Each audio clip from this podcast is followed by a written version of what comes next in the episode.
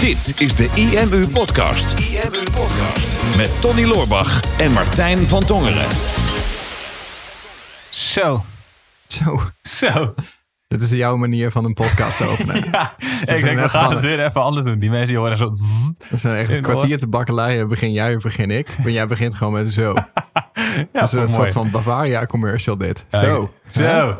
Ja, ik denk als ik zo begin, dan heb jij er sowieso alweer wat over te zeggen. Ja, en dan komt er weer een beetje persoonlijkheid in terug. ja, maar je kan ook nu beginnen in plaats van zo. Ja, zal ik dat maar doen dan? Ja, begin Zal anders ik niet. dat maar doen dan?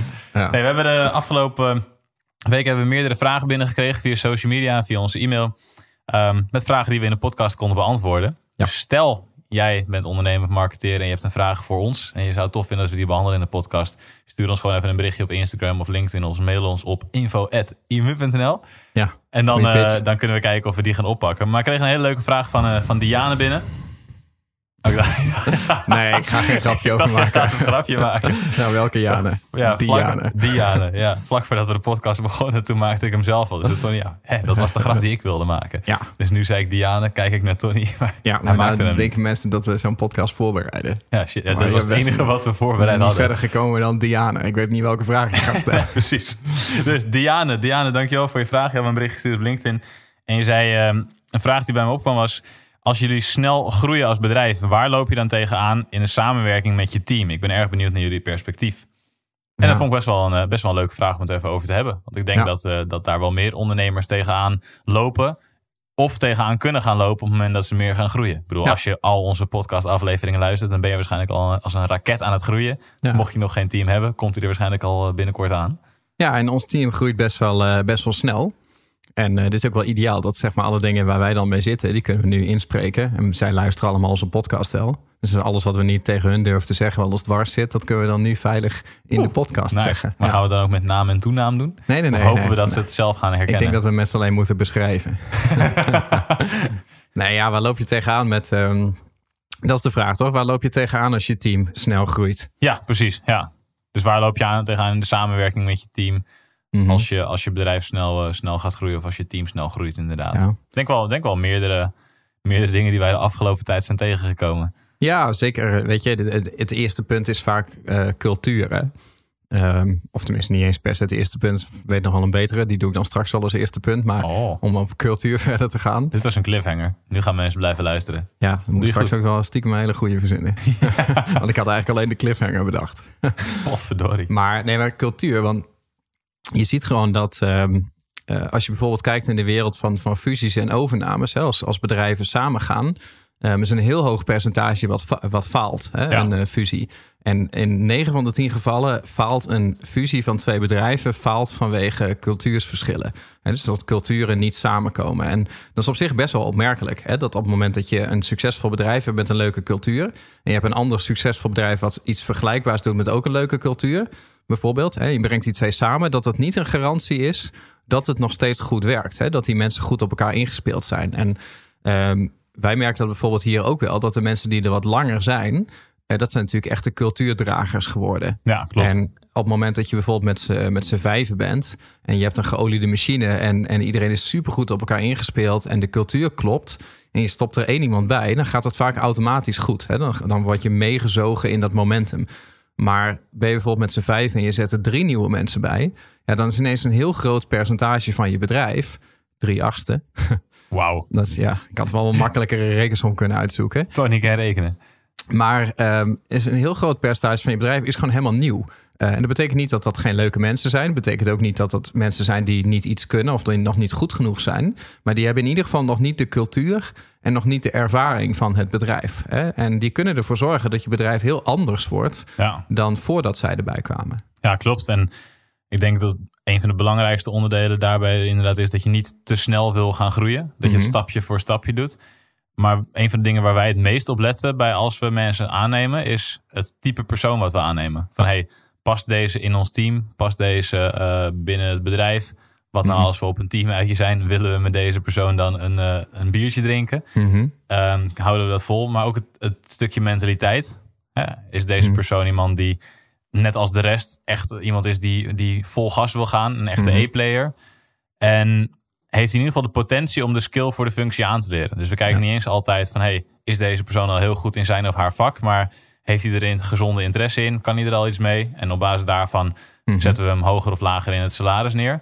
Maar als in ieder geval de potentie voor de skill er is en het past heel goed bij de cultuur die wij nu al hebben staan, Mhm. dan is het eigenlijk, wij hebben nog nooit gehad dat we het er niet over eens waren of we iemand wel of niet zouden gaan aannemen. Nee. Gewoon puur omdat we altijd kijken naar de persoon in kwestie. En zeker bij de kleinere bedrijven denk ik dat het zo belangrijk is, omdat, ja, zeker als je met z'n, bijvoorbeeld met z'n achter bent, Mhm. dan is één persoon dus 12,5% van je bedrijf. Ja, heb je net even uitgerekend. Heb net even zag je al op je telefoon. Ja, dat is niet waar. Dat is gewoon niet waar. Heren, Tony Loorbach is een leugenaar. Goeie kop wel. Goeie kop wel. Ja, zet dat in een nieuwsbrief en we hebben hele hoge open. Als we dat nou gewoon als titel van deze podcast doen, Ja, doe dat gaan mensen in ieder geval luisteren. Ja. Nee, maar waar het, waar het om gaat is dat, dat je realiseert wat voor impact één persoon kan hebben op je bedrijf. Ja, en als je allemaal like-minded mensen hebt die allemaal echt het beste beentje voor hebben met het bedrijf en jij Mhm. kan ze daarin faciliteren, dan ga je ook zien dat ze hard gaan lopen. Maar Ja. we hebben ook wel eens gehad dat er iemand in het team zit, terwijl de hele cultuur echt bestaat uit vrijheid en autonomie. Mhm. En dat er een iemand tussen zit die daar eigenlijk niet goed mee om kan gaan. Mhm. Dat dat meteen ook een enorme impact heeft op eh, de productiviteit. Niet alleen van die persoon zelf, maar ook van de mensen om die persoon heen. Ja. Omdat die ook eigenlijk belast worden ineens met dat het aan die, dat stukje van het bedrijf niet goed gaat. Dus daarom is het zo belangrijk om zeker als je groeit goed tijd te investeren en moeite te investeren in de mensen die je aanneemt binnen, je, Mhm. binnen je team. Nou ja, kijk, ehm goede vriend eh, Donald Trump had daar altijd een eh, credo over. Hire slow, fire fast. Ja, Hè, dus neem je tijd om iemand aan te nemen. Maar zodra je weet dat je van iemand af wil, doe dat dan ook meteen. ja zeker. Ehm, en eh, dan ben ik het met een heleboel dingen van Trump misschien minder eens. Maar hiermee ben ik het wel eens. Ehm, want dat hebben wij ook wel gemerkt. Hè. Ik zat laatst in mijn aantekeningen terug te bladeren. En was een quote, ik denk van Keith Cunningham, dat het op zijn seminar was, had ik opgeschreven. Eh, met It's not the person you hire, it's the person you don't fire. En Ja. dat, dat is waar het probleem in je business zit. En dat is, dat is zo waar. Hè? Eén iemand op de verkeerde plek kan, kan zo'n enorm verschil maken. Of zo'n energielek zijn kan zo vreselijk veel geld kosten. Alleen op het moment dat je heel snel groeit ehm, en je zit in die positieve flow omhoog, dat hebben wij ook wel eens ervaren. Dan ga je echt denken van nou poppetjes erbij. Hè? Want dan voelt het bijna als, als we meer mensen aannemen, dan zijn we succesvoller. Klopt. En dan ziet iedereen hoe snel we wel niet groeien. En dan kunnen we nog harder groeien, want dan hebben we meer mensen. Alleen Ja. meer mensen betekent niet altijd dat je nog harder kan gaan. Als het, Zeker als het de verkeerde mensen zijn. Klopt, want in sommige gevallen betekent het juist dat je minder goed gaat. Op Ja. het moment dat jij iemand op één functie hebt zitten en het is een functie die prima door één persoon gedaan kan worden, dan zul je zien dat als je er een tweede bij zet, dat ze allebei minder productief zijn en dat ze met z'n tweeën vaak minder voor elkaar krijgen dan die eerste persoon in zijn eentje deed. Omdat ze op elkaar gaan zitten wachten en omdat er ook niet genoeg werk is om jezelf die hoge productiviteit op te leggen. En dat hebben wij ook wel gezien van ja, heel snel groeien, heel snel mensen aannemen. Dat betekent dus dat je cultuur verwatert, want je krijgt er nieuwe mensen bij zonder cultuur of hun eigen cultuur die ze meebrengen. Eh, waardoor je dus eigenlijk cultuursverschillen krijgt. Hè. Het begint eigenlijk een soort van in- integratieproject te- worden hier. Integratie. Ja, een succesvolle integratie wil je hebben.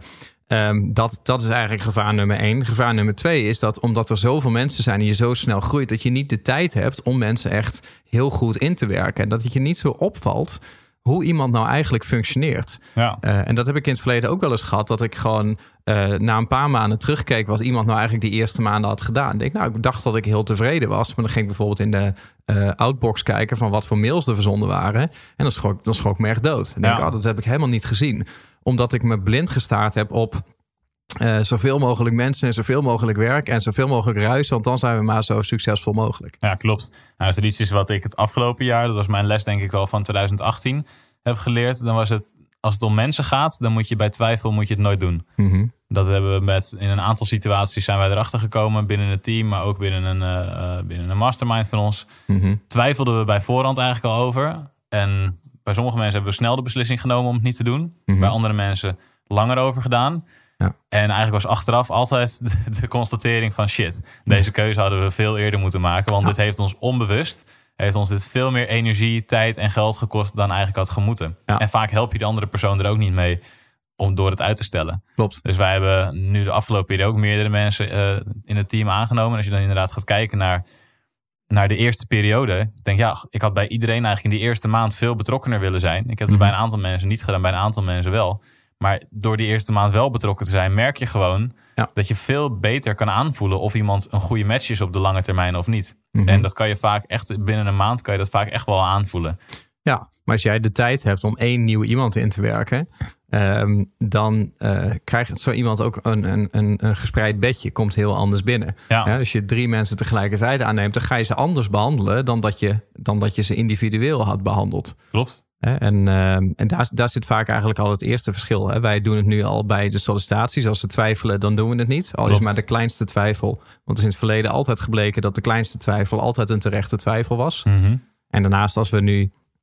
Eh we hebben de, zoiets dat noemen we dan de mention factor. Van hè, hoe vaak mentionen we iemand? Hoe vaak Ja. noemen we iemand? En als dat te vaak is, dan weten we eigenlijk wel dat daar eigenlijk een, een probleem zit. Klopt. En dan kun, je, dan kun je daar ook beter mee stoppen. Want dat is een beetje het risico, denk ik. En dat hoort ook wel bij de vraag van ja, als je snel groeit en je krijgt op een gegeven moment krijg je een groter team. Je bent geneigd om je energie te besteden aan de mensen met wie het het minst goed gaat. Nou, Dus de probleemkindjes die je hebt. Eh, dus de mensen die niet goed functioneren, die niet productief zijn, die vaak te laat komen. Of waarvan je het idee hebt van die moet ik in de gaten houden. Daar heb je over het algemeen meer voortgangsgesprekken mee. Doe je meer coaching mee. Eh, je eh, bepaalt je beleid daarop. Hè? Dus je verandert je bedrijf op basis van de mensen waar het het minst goed mee gaat. klopt. Terwijl het veel beter is voor je bedrijf om je energie te focussen op de mensen waar het het allerbeste mee gaat. Om daar je bedrijf op te modelleren, want dat gaat blijkbaar heel goed. En om daar nog meer uit te halen. En de mensen met wie het niet goed gaat, om daar op een gegeven moment afscheid van te gaan nemen. Klopt. En het is natuurlijk niet zo dat wij, als er iemand even net iets minder in zit, dat we dan meteen zeggen van oké, Ja, houdoe. maar natuurlijk hebben wij ook meerdere gesprekken met, met zo iemand. Omdat wij, ja, als wij iemand eenmaal aannemen, dan geloven we ook echt wel in de potentie van die persoon. Maar Ja. als er na meerdere gesprekken blijkt dat het er nog steeds niet in zit, dan moet ook wel op een gegeven moment die beslissing gewoon genomen worden. En hoe Ja. goed en hoe fijn de cultuur ook is, is het zo belangrijk om die beslissing ook echt te nemen. Want soms, ja, weet je, als wij nu zo'n beslissing hebben genomen, voel ik nu ook echt een stukje opluchting. Terwijl, Mhm. zolang je die beslissing niet neemt, is het continu een twijfel. En bij elk klein dingetje wat gebeurt, begint het zich weer van vooraf aan af te spelen. Maar als die Ja. beslissing helemaal is genomen, geeft dat zoveel rust. Dan kan je inderdaad weer focussen op de mensen met wie het goed gaat. Mhm. Waar je zelf ook weer veel, veel meer energie van krijgt. Waardoor je zelf meer met betere energie eigenlijk aan de business bouwt. Ja. En de rest van het team daar ook weer veel beter op gaat. Dus het gaat om de juiste mensen op de juiste plek. En als, als dat klopt eigenlijk, en die hebben de juiste vibe, de juiste attitude, die willen hard werken en die zijn onderling, zijn ze met elkaar ook heel goed. Ja, dan, dan is eigenlijk het, het recept voor gezonde groei. Ja. als je echt als een gek tientallen mensen zou gaan toevoegen aan je bedrijf, terwijl daar geen strategie achter zit, inderdaad. Mhm. Hè, over hoe gaan die mensen met elkaar communiceren, hoe, hoe is de sfeer onderling, ja, dan kan het al heel snel helemaal misgaan natuurlijk. Ja, klopt. Nou ja, je kan zelfs ten onder gaan aan een te snelle groei. Gebeurt natuurlijk ook heel vaak. Ja. Maar hè, dat is meer van net wat je zegt. Van op het moment dat je een beslissing neemt die, je, die eerlijk is naar jezelf, dan is het opluchting. Op het moment dat je niet eerlijk naar jezelf bent, dan is het eigenlijk oplichting. Hè? Dus je moet kiezen. Dus Oh, oplichting Deze gaan we quoten. Danielle, deze gaan we quoten. is, is- ja, doe jij een opluchting of een oplichting? Ja, Ja, want nou, maar kijk, als jij iemand bij het team houdt die, die er eigenlijk niet bij zou moeten zitten, dan hou je die persoon voor de gek, maar ook jezelf. ja, En je helpt niemand ermee om de hand boven het hoofd te houden. En wij hebben dat ook wel eens gesteld in het verleden van, hè, net als met elke relatie, of je bent aan het investeren in die relatie, of je bent ervan aan het weglopen, maar er zit Ja. niks tussenin. En op het moment dat je over jezelf na gaat denken van wie heb ik nou allemaal in mijn team, of wie heb ik in mijn partners, of in mijn netwerk, of in mijn mastermind. Je maakt een lijstje van die mensen. Je moet opschrijven van ben ik in deze persoon bewust aan het investeren of niet? Of ben ik ervan aan het weglopen? Dan weet je het eigenlijk al wel. ja, Dus, dus dat is het met, ik denk met, met aannemen. Hè? Dus als we het hebben over de valkuilen van snel groeien. eh, cultuur verwateren is denk ik een hele duidelijke. Eh, de tweede is ehm, dat het niet meer opvalt dat iemand niet functioneert. Mhm. Ehm, derde, en die wilde ik eigenlijk net als eerste noemen. Hè? Dus dat is de cliffhanger die we nog Ho, even invullen. Ehm, is dat eh, processen vaak leiden onder een overschot aan mankracht. Ja, Hè, dus op het moment dat een proces niet functioneert, dus laten we maar een praktisch voorbeeld nemen, bijvoorbeeld klantenservice. Hè, het proces functioneert niet, want het is niet efficiënt genoeg. We besteden daar te veel uren aan. Dan kan een oplossing zijn om er meer mankracht op te zetten. Mhm. Maar daar wordt het over het algemeen nog minder efficiënt van. Hè? Want als je een rommelig kapot proces hebt en je gaat dat oprekken, dat is net als wanneer je een gescheurde ballon opblaast. Hè? Daar worden de scheuren alleen maar groter van. Ja. En dat zie je ook met, met support. Eh, zie je ook met debiteurenbeheer. Zie je ook met eh, ontwikkelprocessen, met eh, scrum meetings. sowieso met, met alle meetings die je voert. Dat hoeveel te meer ballast je gooit op iets wat in de kern kapot is, des te groter of des te harder het kapot gaat. Ja. Dat is, en, eh, en dat moet je altijd verwaken als je heel snel gaat groeien. Want als je net een bedrijf bent gestart en het staat allemaal nog heel fragiel. En je gaat ineens van twee mensen naar tien mensen bijvoorbeeld. Of van twee mensen naar vijf mensen. Ja, dan krijg je een soort van extreme belasting op een hele dunne basis. Hè, op een dun fundament. En dan zak je door je fundament heen. Ja, klopt. Wij hebben het natuurlijk een eh, aantal weken geleden, of misschien al een maandje geleden, of twee maanden geleden, weet ik veel lang geleden. Het ook over gehad. Maakt het ook uit. Maakt het ook uit. Je moet gewoon alles luisteren. Ja. Ehm, hebben het er ook over gehad in de podcast. Dat wij na het, na het seminar hebben we eigenlijk zoveel druk op de organisatie gelegd. Mhm. En zorgde dat voor de haarscheurtjes eigenlijk in het te hard opblazen van de, van de ballon, de ballon, van de ja. IMU-ballon. Mhm. Ehm, dat wij ook hebben zijn moeten gaan kijken naar de organisatie en de processen die wij hadden staan. Want Mhm. we hadden ook inderdaad kunnen zeggen van oké, we hebben het zo druk. Dus we moeten nog iemand, nog iemand aannemen om het erbij te zetten. Maar eigenlijk klopt er in de kern iets niet Mhm. in, bij sommige processen. Dus dat zijn we nu gaan aanpakken. Dus wat wij nu zijn gaan doen, want ik zie ons ook als snel groeiend bedrijf. Maar wat wij nu zijn Ja. gaan doen is eigenlijk even een stop gezet op de groei. Dus Mhm. wij zijn de afgelopen weken hebben wij helemaal geen marketingactie meer gedaan. Mhm. Ehm, het enige wat wij zijn gaan doen nu is 100% focus op de processen intern. Mhm. En eventjes helemaal geen, geen extra, extra munitie van buitenaf. Dus 100% de focus op de mensen die er zijn, de processen die er zijn. En zorgen dat dat allemaal helemaal goed loopt. Daardoor zijn we er ook achter gekomen van oké, functioneert iedereen nog helemaal goed? Doet iedereen wat hij zou moeten doen? Of moet hier en daar wat verschuivingen komen? En pas als dat allemaal weer 100% goed staat, we weten oké, die processen lopen goed. Dan kunnen we nu weer vol gas gaan. Zodat als mensen nu dan met ons in contact komen, dan komen ze overal in een warm bad terecht. Ja. Dus die processen optimaliseren is super belangrijk als je bedrijf groeit. En Mhm. als jij tien mensen in dienst hebt, dan heb je andere processen nodig dan wanneer je duizend mensen in dienst Ja. hebt. Dus dit is ook weer een proces wat je vaker door zal gaan lopen naarmate je bedrijf meer gaat groeien. Dus ik denk dat het heel gezond is om daar op een gegeven moment zou je misschien zelfs een procesmanager aan moeten nemen. Oh jezus. Oh jezus, ja, Nou, op een gegeven moment gaan we ook iemand op HR aannemen. Ik denk het wel, want Want dan kan ik dingen doorescaleren naar HR. door escaleren naar HR. Ja, het is grappig, want HR is... Jij zei Is direct, niks. ja, HR is Sorry. niks. Maar tegelijkertijd is HR in mijn ogen weer een van de belangrijkste dingen van het Ja, hele ja. bedrijf. Tuurlijk. Maar, maar HR zoals het bekend staat is niks inderdaad. Nou, het is een verschil tussen HR in de corporate scene. En er is een verschil tussen hoe wij met HR bezig zijn. Ja, Weet je, wij geloven heel erg natuurlijk in de, in de relatie die wij onderling hebben. En, en nog meer in hoe gelukkig het individu hier is. absoluut. En ehm, ik denk ook dat we dat zo lang mogelijk willen vasthouden. Hè, dus, dus we hebben altijd de filosofie gehad van oké, als iemand, als wij willen dat iemand bij ons gaat werken, hè, dan zal diegene ons moeten overtuigen van zijn kwaliteiten. Maar dat is geen eenrichtingsverkeer. Hè. Dat betekent dat wij diegene ook moeten overtuigen van Ja. waarom diegene nou precies bij ons zou moeten werken. En dat betekent dat wij diegene een aantrekkelijker leven moeten bieden dan wanneer ze bij de concurrent zouden gaan werken of überhaupt bij een ander bedrijf. Ja, Hè, dus, dus wij vinden het belangrijk dat iemand op en top gelukkig is. En dat zit hem in het soort werk wat je doet, eh, in het salaris wat je verdient, in de vrijheid die je hebt in hoe je je eh, werk mag indelen. eh, de verbondenheid die je voelt met je, met je collega's, de, de skills die je ontwikkelt, hè, de competenties die je hebt. En daar zul je wel echt op moeten inzoomen van hoe speelt dat bij iedereen? Want niet iedereen heeft dezelfde behoeften. ja, Dus in die zin is HR heel belangrijk. Eh, maar het wordt wel moeilijker als je heel snel heel veel mensen hebt die ook allemaal andere behoeften hebben. Hè, Want als de helft van het team eh, liever een bonus heeft in plaats van af en toe een leuk tripje met z'n allen. Mhm. En de andere helft wil liever met z'n allen op vakantie in plaats van een financiële bonus. ja. Hoe ga je dat dan doen? dat Hè? wordt lastig. Denk, ja, als je er al een stuk of vijf of zes hebt zitten die allemaal graag met elkaar op vakantie gaan, dan zal die zevende niet zeggen van nou doe mij maar een financiële bonus. Ja, En dan wordt, ja, dat is misschien heel raar, ook al zou diegene dat misschien wel liever willen. Maar er wordt het wel makkelijker van om gewoon de dingen gelijk te ja, trekken. maar dat is gewoon de hele sfeer en de hele beleving van iedereen in dat bedrijf. Dus dan groeit het heel natuurlijk op die manier. En Ja. Als je het inderdaad, ja, je bedrijf is 20 man en je stopt er nog 20 bij, dan kan er een hoop gaan gebeuren. Ik ben heel benieuwd, waar denk jij dat het kantelpunt zit? Want weet je, de, de sfeer en de cultuur die er nu is, Mhm. die was er eigenlijk een aantal jaar geleden ook al. Maar je merkt wel dat die hier en daar iets, iets begint te veranderen. Maar het is nog steeds Mhm. de vrije, vrolijke, verbonden cultuur die we altijd hebben gehad. Ja. Maar toen we met z'n achter waren, was de dynamiek binnen het team wel anders dan nu we met z'n 17 zijn. Ja, klopt. Ja, En kantelpunt waar denk je dat het kantelpunt zit? bij 12. En ehm, ni- niet zo heftig als dat ik altijd dacht. Maar Mhm. 12 is een beetje zo'n zo'n magisch getal. Hè, waar eh, heel veel processen in onze wereld op gebouwd zijn. Hè, we, hebben, we hebben 12 maanden. Eh, Jezus had eh, 12 discipelen. Nou, ga maar eens een keer googlen op het woord 12. En kijk maar hoeveel dingen je tegenkomt. Hoeveel wereldorde er zeg maar gebouwd is op het getal 12. Hè. Je kan het door twee delen, door drie delen, door vier delen, door zes delen. Je kan daar heel veel mee.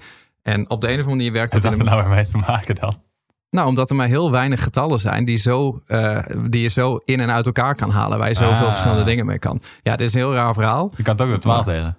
Ja, klopt. Ja, maar dat kan, elk getal kan je door, het zel- door jezelf delen. Echt? Nou goed, ja. Behalve één. Dat kan niet. Dan krijg je één. En negatieve getallen kan ook niet. Of misschien wel, weet ik niet. Lesje goed. wiskunde van Lonnie. Nou ja, goed. eh, weet je, dat, daar zit ik niet genoeg in om precies de diepte daarin op te zoeken. Maar dat is meer voor als je een keer helemaal niks te doen hebt. Ga eens googlen naar het getal 12. Ja. Er zitten hele vette dingen in. Maar ik weet wel dat jij inderdaad zei van zodra je boven de 12 komt, dan ga je lagen krijgen. En dat, dat wilde je altijd kosten wat het kost vermijden. Ja, rijmt ook niks op het woord 12. Nee, dat is irritant hè? Ja. dat, en dat, dat kan geen toeval zijn. Nee, precies. Dat heeft er ook mee te maken. Nee, maar dat was altijd de filosofie. Weet je, 12, dat is zo'n magisch getal. Maar juist dat delen is daar belangrijk. Omdat je ook binnen een bedrijf ook vaak eh, met opdelingen te maken hebt. Hè? Dus je werkt vaak in tweetallen. Maar je werkt ook als team in zijn geheel. Hè? Je hebt verschillende kanten aan het bedrijf. Ook met teamuitjes werk je daarmee. Ehm, dat is een- heel praktisch getal om mee te werken. Mhm. En daarboven merk je inderdaad dat je lagen krijgt. En wij hebben dat eigenlijk ook wel. Hè? Wij hebben niet zozeer een hiërarchie.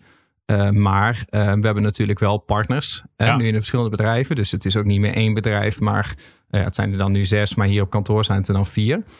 Ehm, en die bedrijven hebben allemaal een partner die eigenlijk weer de leiding neemt. Dus je kan het zien als we zijn nu één grote groep van 16. Maar je kan het ook zien als we zijn eigenlijk vier groepjes met verschillende samenstellingen. En daarom werkt het nog wel. Maar dat komt omdat degene die nu partner is, bijvoorbeeld in Phoenix of in Huddle of in Plug and Pay, Mhm. dat zijn de cultuurdragers van weleer. En Ja, toen wij nog met een kleine groep waren. Ja.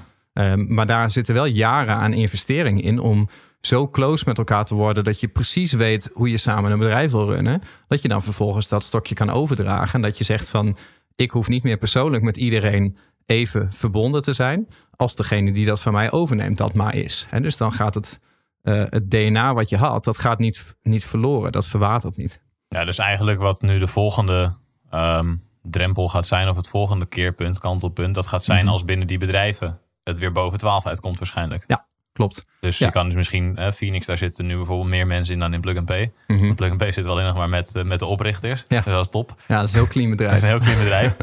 dus bij Phoenix, ik zou zomaar kunnen dat het eerste bedrijf is dat waar, de, waar de 12 weer geraakt gaat worden. Ja. Ehm, dus dan zou daar zou dan weer het volgende kantelpunt komen. Dus eigenlijk, dus bedoel je Ja. dan dat bij elke factor van 12 er een verschuiving gaat zijn? Want stel bijvoorbeeld, we zijn één organisatie. Mhm. Kijk naar, naar ons supportteam. Hè. Dat, dat gaat dan over de verschillende bedrijven. Dus dat is dan weer een beetje Mhm. met elkaar gemixt. Maar is het dan bij elke 12? Zeg je het is 12, 24, 48, et cetera. Dat je dan weer een kantelpunt gaat merken qua cultuur?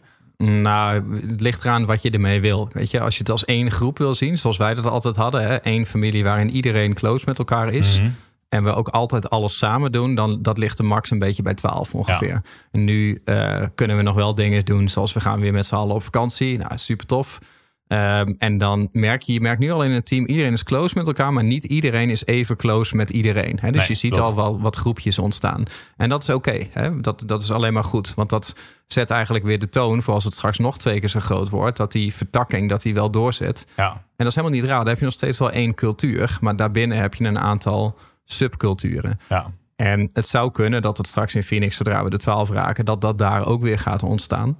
Eh, dat, dat zullen we moeten zien. Ik weet ook niet of het altijd exact 12 is. Nee, precies. Met gewoon rond, rond dat getal natuurlijk. Maar ik denk van ja, kijk, ik zie het echt wel gebeuren. Zeker met de koers die we nu aan het varen zijn. Dat we, dat we snel zullen gaan groeien. Zeker Ja. als we internationaal willen gaan. Dan zal er, zullen er nog veel sneller, veel meer gebruikers eh, bij de verschillende tools komen. Mhm. Je ziet het ook bij een van onze concurrenten. Dat daar de klantenservice eh, afdeling ineens was geëxplodeerd. Dat ging Ja. van één persoon naar 10 naar 150. Mhm. Ik denk, ja, dat is, dat, dan gaat er zoveel veranderen in zo'n eh, Ja. in zo'n bedrijf en in zo'n team. Ik denk van, ja, onze cultuur en hoe we hem nu hebben, super tof. En ik denk inderdaad, de mensen die wij nu hebben rondlopen, dat als er meer mensen bij komen die dat heel goed kunnen gaan doorgeven. Mhm. Maar stel, we zijn straks met 100 of met 200 mensen. ja, wat, wat heeft dat dan voor impact? En wat, zou dan, wat wordt dan de grootste uitdaging? Ja. Nou ja, dus dezelfde vraag die je moet stellen als wanneer je nu gewoon nog in je eentje bent en je gaat aan, een, eh, aan je eerste personeelslid beginnen, is de vraag van wat wil ik hier uiteindelijk mee? Want de cultuur zoals wij hem hebben, ja, wij vinden dat superleuk. En dat is ook een persoonlijke behoefte en daarom hebben wij die familiesfeer.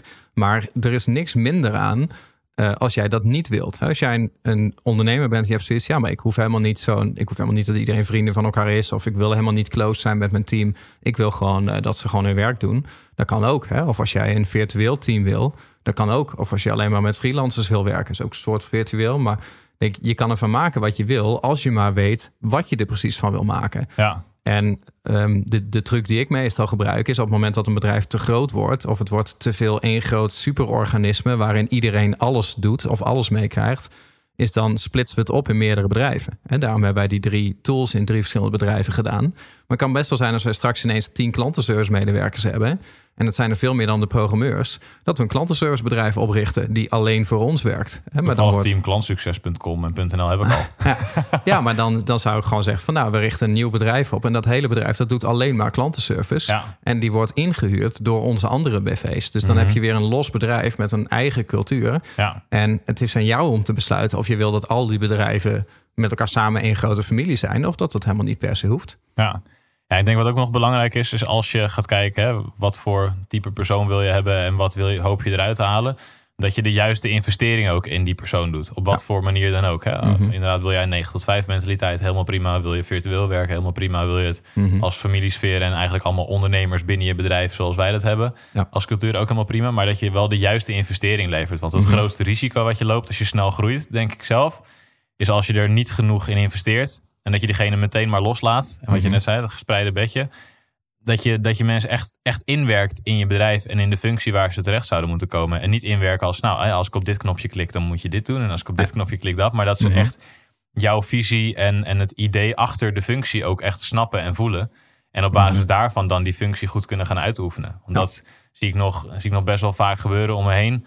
Dat, dat ik dan hoor van, van vrienden die dan ergens komen werken. Of dat ze, dat ze dan een manager hebben. En denk van ja, maar die worden gewoon echt gewoon vanaf dag één in het diepe gegooid. En op zich ben ik wel fan van mensen in het diepe gooien. Want dan leer je het Mhm. meeste. Maar je moet ze wel de goede mindset meegeven. En de goede mentaliteit meegeven. Door ze in ieder geval goed in te werken. En daar een goede investering in te doen. Ik weet Mhm. nog dat wij vorig jaar eh, Peter hadden in onze mastermind. Ja. Grootste plannen om voor een online tuinplatform. En die zei van ja, ik heb ook het hoveniersbedrijf. Maar eigenlijk wil, ja, daar ga ik nu iemand op aannemen. Zodat ik 100% op dat tuinplatform kan gaan, eh, Mhm. kan gaan focussen. Maar wij zeiden ook van ja, maar een van de belangrijkste dingen op dit moment voor je business en voor de omzet en voor de werkgelegenheid van al die jongens is nog steeds het hoveniersbedrijf, toch? Ja, Ja. klopt. Zeiden we, ja, misschien is het wel het allerverstandigste dat je nu even helemaal nog niet op de tuinplatform gaat focussen. Mhm. Maar 100% op jouw, jouw nummer twee, jouw rechterhand eigenlijk, die het allemaal gaat managen en sturen. Mhm. Zodat, als, zodat die helemaal jouw visie overneemt. En dat je het daarna op een gegeven moment met een gerust hart kan loslaten. Ja. En hij is nu nog steeds vaak bezig met investeren in die persoon. Daar ben ik super blij mee. Want Mhm. ik denk dat, dat als hij meteen zijn handen ervan af had getrokken. Jij noemt het altijd de applicatie eh Ja, troonsafstand. Ja. Dat het dan misschien wel een hele verkeerde kant op had kunnen lopen. Dus je moet pas Ja. echt je handen van een bepaald stukje van de business aftrekken. Als je wel eerst geïnvesteerd hebt in de persoon die het gaat overnemen. Ja. Ik zei aftrekken, ja. Ik zag je wel lachen. nou ja, daar lacht Ja. ik lach niet om. Ja. Maar en hij zou ik nog een handen. Nee, maar goed. nee, ik dacht, ik wou net zeggen van, je moet je kijken hoeveel ik in jou geïnvesteerd heb al die afgelopen jaren. Nee, mocht het ook een keer wat opleveren. hè? jongen, jongen, jongen, jongen. Nee, maar ja, dat is wel. ehm, je kan alleen maar groeien als je kan loslaten. Hè? Want ehm, op het moment dat jij alle controle in je business hebt, alle verantwoordelijkheid, dan kan je business nooit groter worden dan dat je zelf bent. Ja. En op een gegeven moment kun je niet meer vergaren. Je kan niet meer naar je toe trekken en, vastre- en vasthouden, want je zit gewoon je zit aan je max. Dus dan moet je iets loslaten. Maar op het moment dat je iets delegeert en je kijkt zelf mee, dan ben je het nog niet kwijt. Dus dan heb je nog geen ruimte gecreëerd, anders dan uren. Maar je hebt nog steeds geen headspace. Hè, Ja. Omdat je nog mede verantwoordelijk bent en omdat die andere persoon ook weet dat jij meekijkt. Dus die zal nooit de volledige verantwoordelijkheid nemen. Ehm, wat we dan vaak doen, net wat je zegt, abdicatie is, dan geven we het helemaal weg. Dus zeg van, nou hier heb je het en doe maar mee wat je ermee wil doen. Dus oh, ik heb geen zin om klantenservice meer te doen of dat kost me te veel tijd, dus ik besteed het uit en ik kijk er niet meer naar om. En dan ga ik weer lekker verder ondernemen.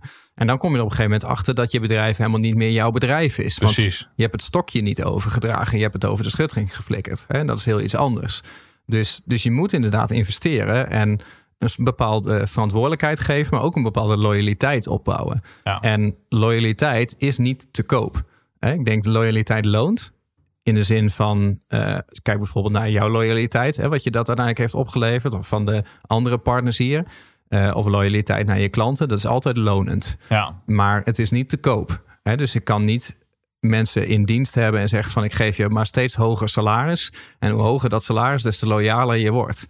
Want ehm, die voeding heeft het niet nodig. Hè? Die voeding die zit vaak in verantwoordelijkheid en in autonomie en in een persoonlijke band. Maar met name in de zingeving die iemand zelf voelt. Hè? Dus precies. het, het moet voor jou moet het business voelen alsof het van jou is. Hè? Dat, is dat is nu ook zo. Maar voor, voordat het zo was, moest het ook zo Voelde het ook voelen. al zo. Ja. Ja. En als het niet zo had gevoeld, dan was je ook nooit zo ver opgeklommen in het bedrijf. Dan was je op een gegeven moment weggegaan en dan was je misschien iets voor jezelf gaan doen. Ja, Of klopt. je had nooit je maximale potentieel benut. Nee, als ik nu kijk naar, naar, dat, naar het rampjaar, hoeveel, hoeveel er toen is binnengekomen en dat ik dat toen allemaal in mijn eentje heb gedaan. Ik denk, Mhm. dat was meer dan wat er nu binnenkomt op dagelijkse basis soms Ja. nog. Ik denk, hoe was dat mogelijk, weet je wel? Maar dat is echt inderdaad Ja. door die zingeving die erachter zat. Van, Ja. Ik wil, ik voel me loyaal naar het bedrijf, maar ik voel me nog loyaler eigenlijk naar de klanten van het bedrijf en ik wil hun graag verder helpen. Mhm. En, en daar komt het dan vandaan. En als je dat inderdaad bij elke functie terug kan vinden. Als ik nu kijk naar het team wat we nu hebben staan. En de mensen die op de, op de juiste plekken zitten. Iedereen voelt dat. Het was Ja. afgelopen weekend was het volgens mij. Was er ergens was er een melding gekomen van een klant. En ik zag dat binnenkomen. Mhm. Ik gooi het in de groepsapp. Ehm, in, eh, in eh, Discord. Dat is het tooltje wat wij gebruiken onderling om te communiceren. Maar mijn, mijn meldingen staan verder uit het mobiel. Dus ik heb Mhm. het daarin gezet van jongens, kijk er even naar. En toen zag ik vervolgens zag ik op maandag dat echt binnen vijf minuten het gefixt was. Mhm. En dat ook eh, twee mensen van de support meteen alle meldingen die we van klanten hadden gehad, gewoon op een zondag om half twaalf morgens, meteen allemaal hadden weggetikt. Ik Ja. denk, ja, ik heb niet gezegd dat ze dat moesten doen. Dat Mhm. was helemaal uit hunzelf gekomen, omdat ze Ja. die loyaliteit en verantwoordelijkheid voelen naar de klant toe en naar ons toe. En omdat ze het Ja. ook zelf gewoon, het voelt echt voor hun als hun stukje van de business. Nou, en dus de loyaliteit naar zichzelf. Ja, Want zij doen dat niet eh, zozeer voor ons, of in be- bepaalde mate. Hè, of dat ze misschien fijn vinden dat jij dan daar niet mee bezig hoeft te zijn. Eh, maar dat doen ze dan waarschijnlijk nog eerder voor jou vanuit een vriendschap of een gunfactor. Mhm. In plaats van omdat jij de baas bent. Ehm, ze doen dat ook niet omdat ze erbij stilstaan. Oh ja, zij betalen mij elke maand salaris. En dus ga ik nu op zondag dit zitten doen. Ze doen dat met name omdat ze vinden dat zij dat moeten doen. ja, Eh, en omdat de klant daarmee geholpen is, maar ook hun directe collega's. En dat is, dat is inderdaad één van de factoren. En ehm, kijk, nou dwalen we heel ver af van het onderwerp, maar het is best interessant. Is dit is wat er misgaat als je te snel groeit. Dan krijg je er, voordat je dit hebt gekweekt, zo'n gevoel, eh, moet iemand een tijdje meedraaien. En het liefst in een omgeving die dit al doet. precies. En dan, eh, dan zul je zien dat mensen die relatief nieuw zijn, die er een maand of twee bij zijn, dat die ook al dit soort gedrag gaan vertonen. En dat ze ook merken dat ze daar heel blij van worden. Ja, Maar eh, zet je er in één keer vijf, zes nieuwe mensen bij, die dat allemaal nog niet hebben. En die basis is er nog helemaal niet. No way dat ze dit soort gedrag gaan vertonen. Hè, dat is echt iets wat je, moet, wat je moet voeden en wat je langere tijd moet opbouwen. Eh, en daar moet je jezelf echt de tijd voor gunnen. Ja, en een belangrijk eh, thema ook wel dit, in dit jaar van onze EMU Gold Mastermind is het stukje uitbesteden en het maken van een team, het uitbreiden van een team. En ik denk Mm. een van de belangrijkste dingen die je moet realiseren als je groeit en je gaat mensen aannemen, of dat nou een freelancer is of dat het iemand is die je in dienst neemt, is op het moment dat je die persoon aanneemt, dan is het niet zo dat je ineens veel meer extra tijd over hebt. Nee. Dat, die persoon zal wat uitvoerende taak voor jou gaan doen, maar zeker in het begin gaat de tijd die jij eerst bezig was met het doen van die taak, gaat zitten in het investeren in de relatie met die persoon en het zorgen dat Mhm. die persoon straks de juiste verantwoordelijkheid voelt, de juiste autonomie heeft om dat stukje van je bedrijf naar het volgende niveau toe te brengen. Ja. En pas daarna ben je het echt kwijt en pas daarna kan je weer verder groeien. Dus als je dat Ja. te snel doet en niet investeert in die persoon, niet investeert in het nieuwe team, dan, eh, dan gaat het eh, problemen opleveren. Ja, dat is en goed voor je bedrijf en ook voor het geluk van, eh, van jezelf en van je team. Dan kijk hoe ontzettend gelukkig leven jij hebt gekregen doordat ik al mijn wijsheid op jou heb overgedragen. Ik ben zo blij nu. maar al jouw wijsheid overdragen was ook met een paar dagen gedaan. Ja, dan een uur klaar, toen wist ik niks meer. Zo, Ja, dit is alles wat ik weet. Zo bijzonder was het nou allemaal ook weer niet. Klopt. Nou, ik weet wel heel veel, maar niet echt iets waar je iets aan hebt. Precies. Vaak is dat wel zo, ja. Dingen zoals het getal 12 is een heel mooi getal, maar daar kan jij dus niks mee met dat dat soort wijsheid. Komt niks mee. Ja, ik vond, Nee. vind het wel leuk, weet ik nu ook weer. Maar Ja, nou, als ik iets interessants erover vind, dan stuur ik het naar je door. Dan, er komt een dag dat het je net zo raakt als dat het mij heeft geraakt. Is goed. Het, zal, het komt met de jaren waarschijnlijk. Ja, ja verstand komt met de jaren, ja. Zullen we daar maar mee afronden dan? Ja. Oké, nou... Ik denk dat je hier genoeg, uh, genoeg inspiratie uit hebt kunnen halen voor het, uh, voor het groeien van je bedrijf, het groeien met je team. Ik denk, of je nou alleen bent, of je al met 10 mensen bent of met 100 mensen bent, dat dit nog steeds de kern moet zijn van het niet te snel willen groeien en vooral op de juiste manier willen groeien met de juiste mensen. En als je dat stap voor stap doet, dan uh, zou je niet snoeihard op je bek gaan.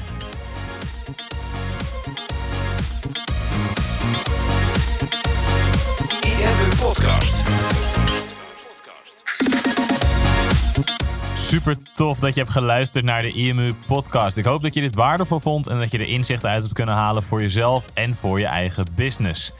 Vond je dit nou een waardevolle podcast, dan zouden Tony en ik het heel erg waarderen als je dat zou willen delen.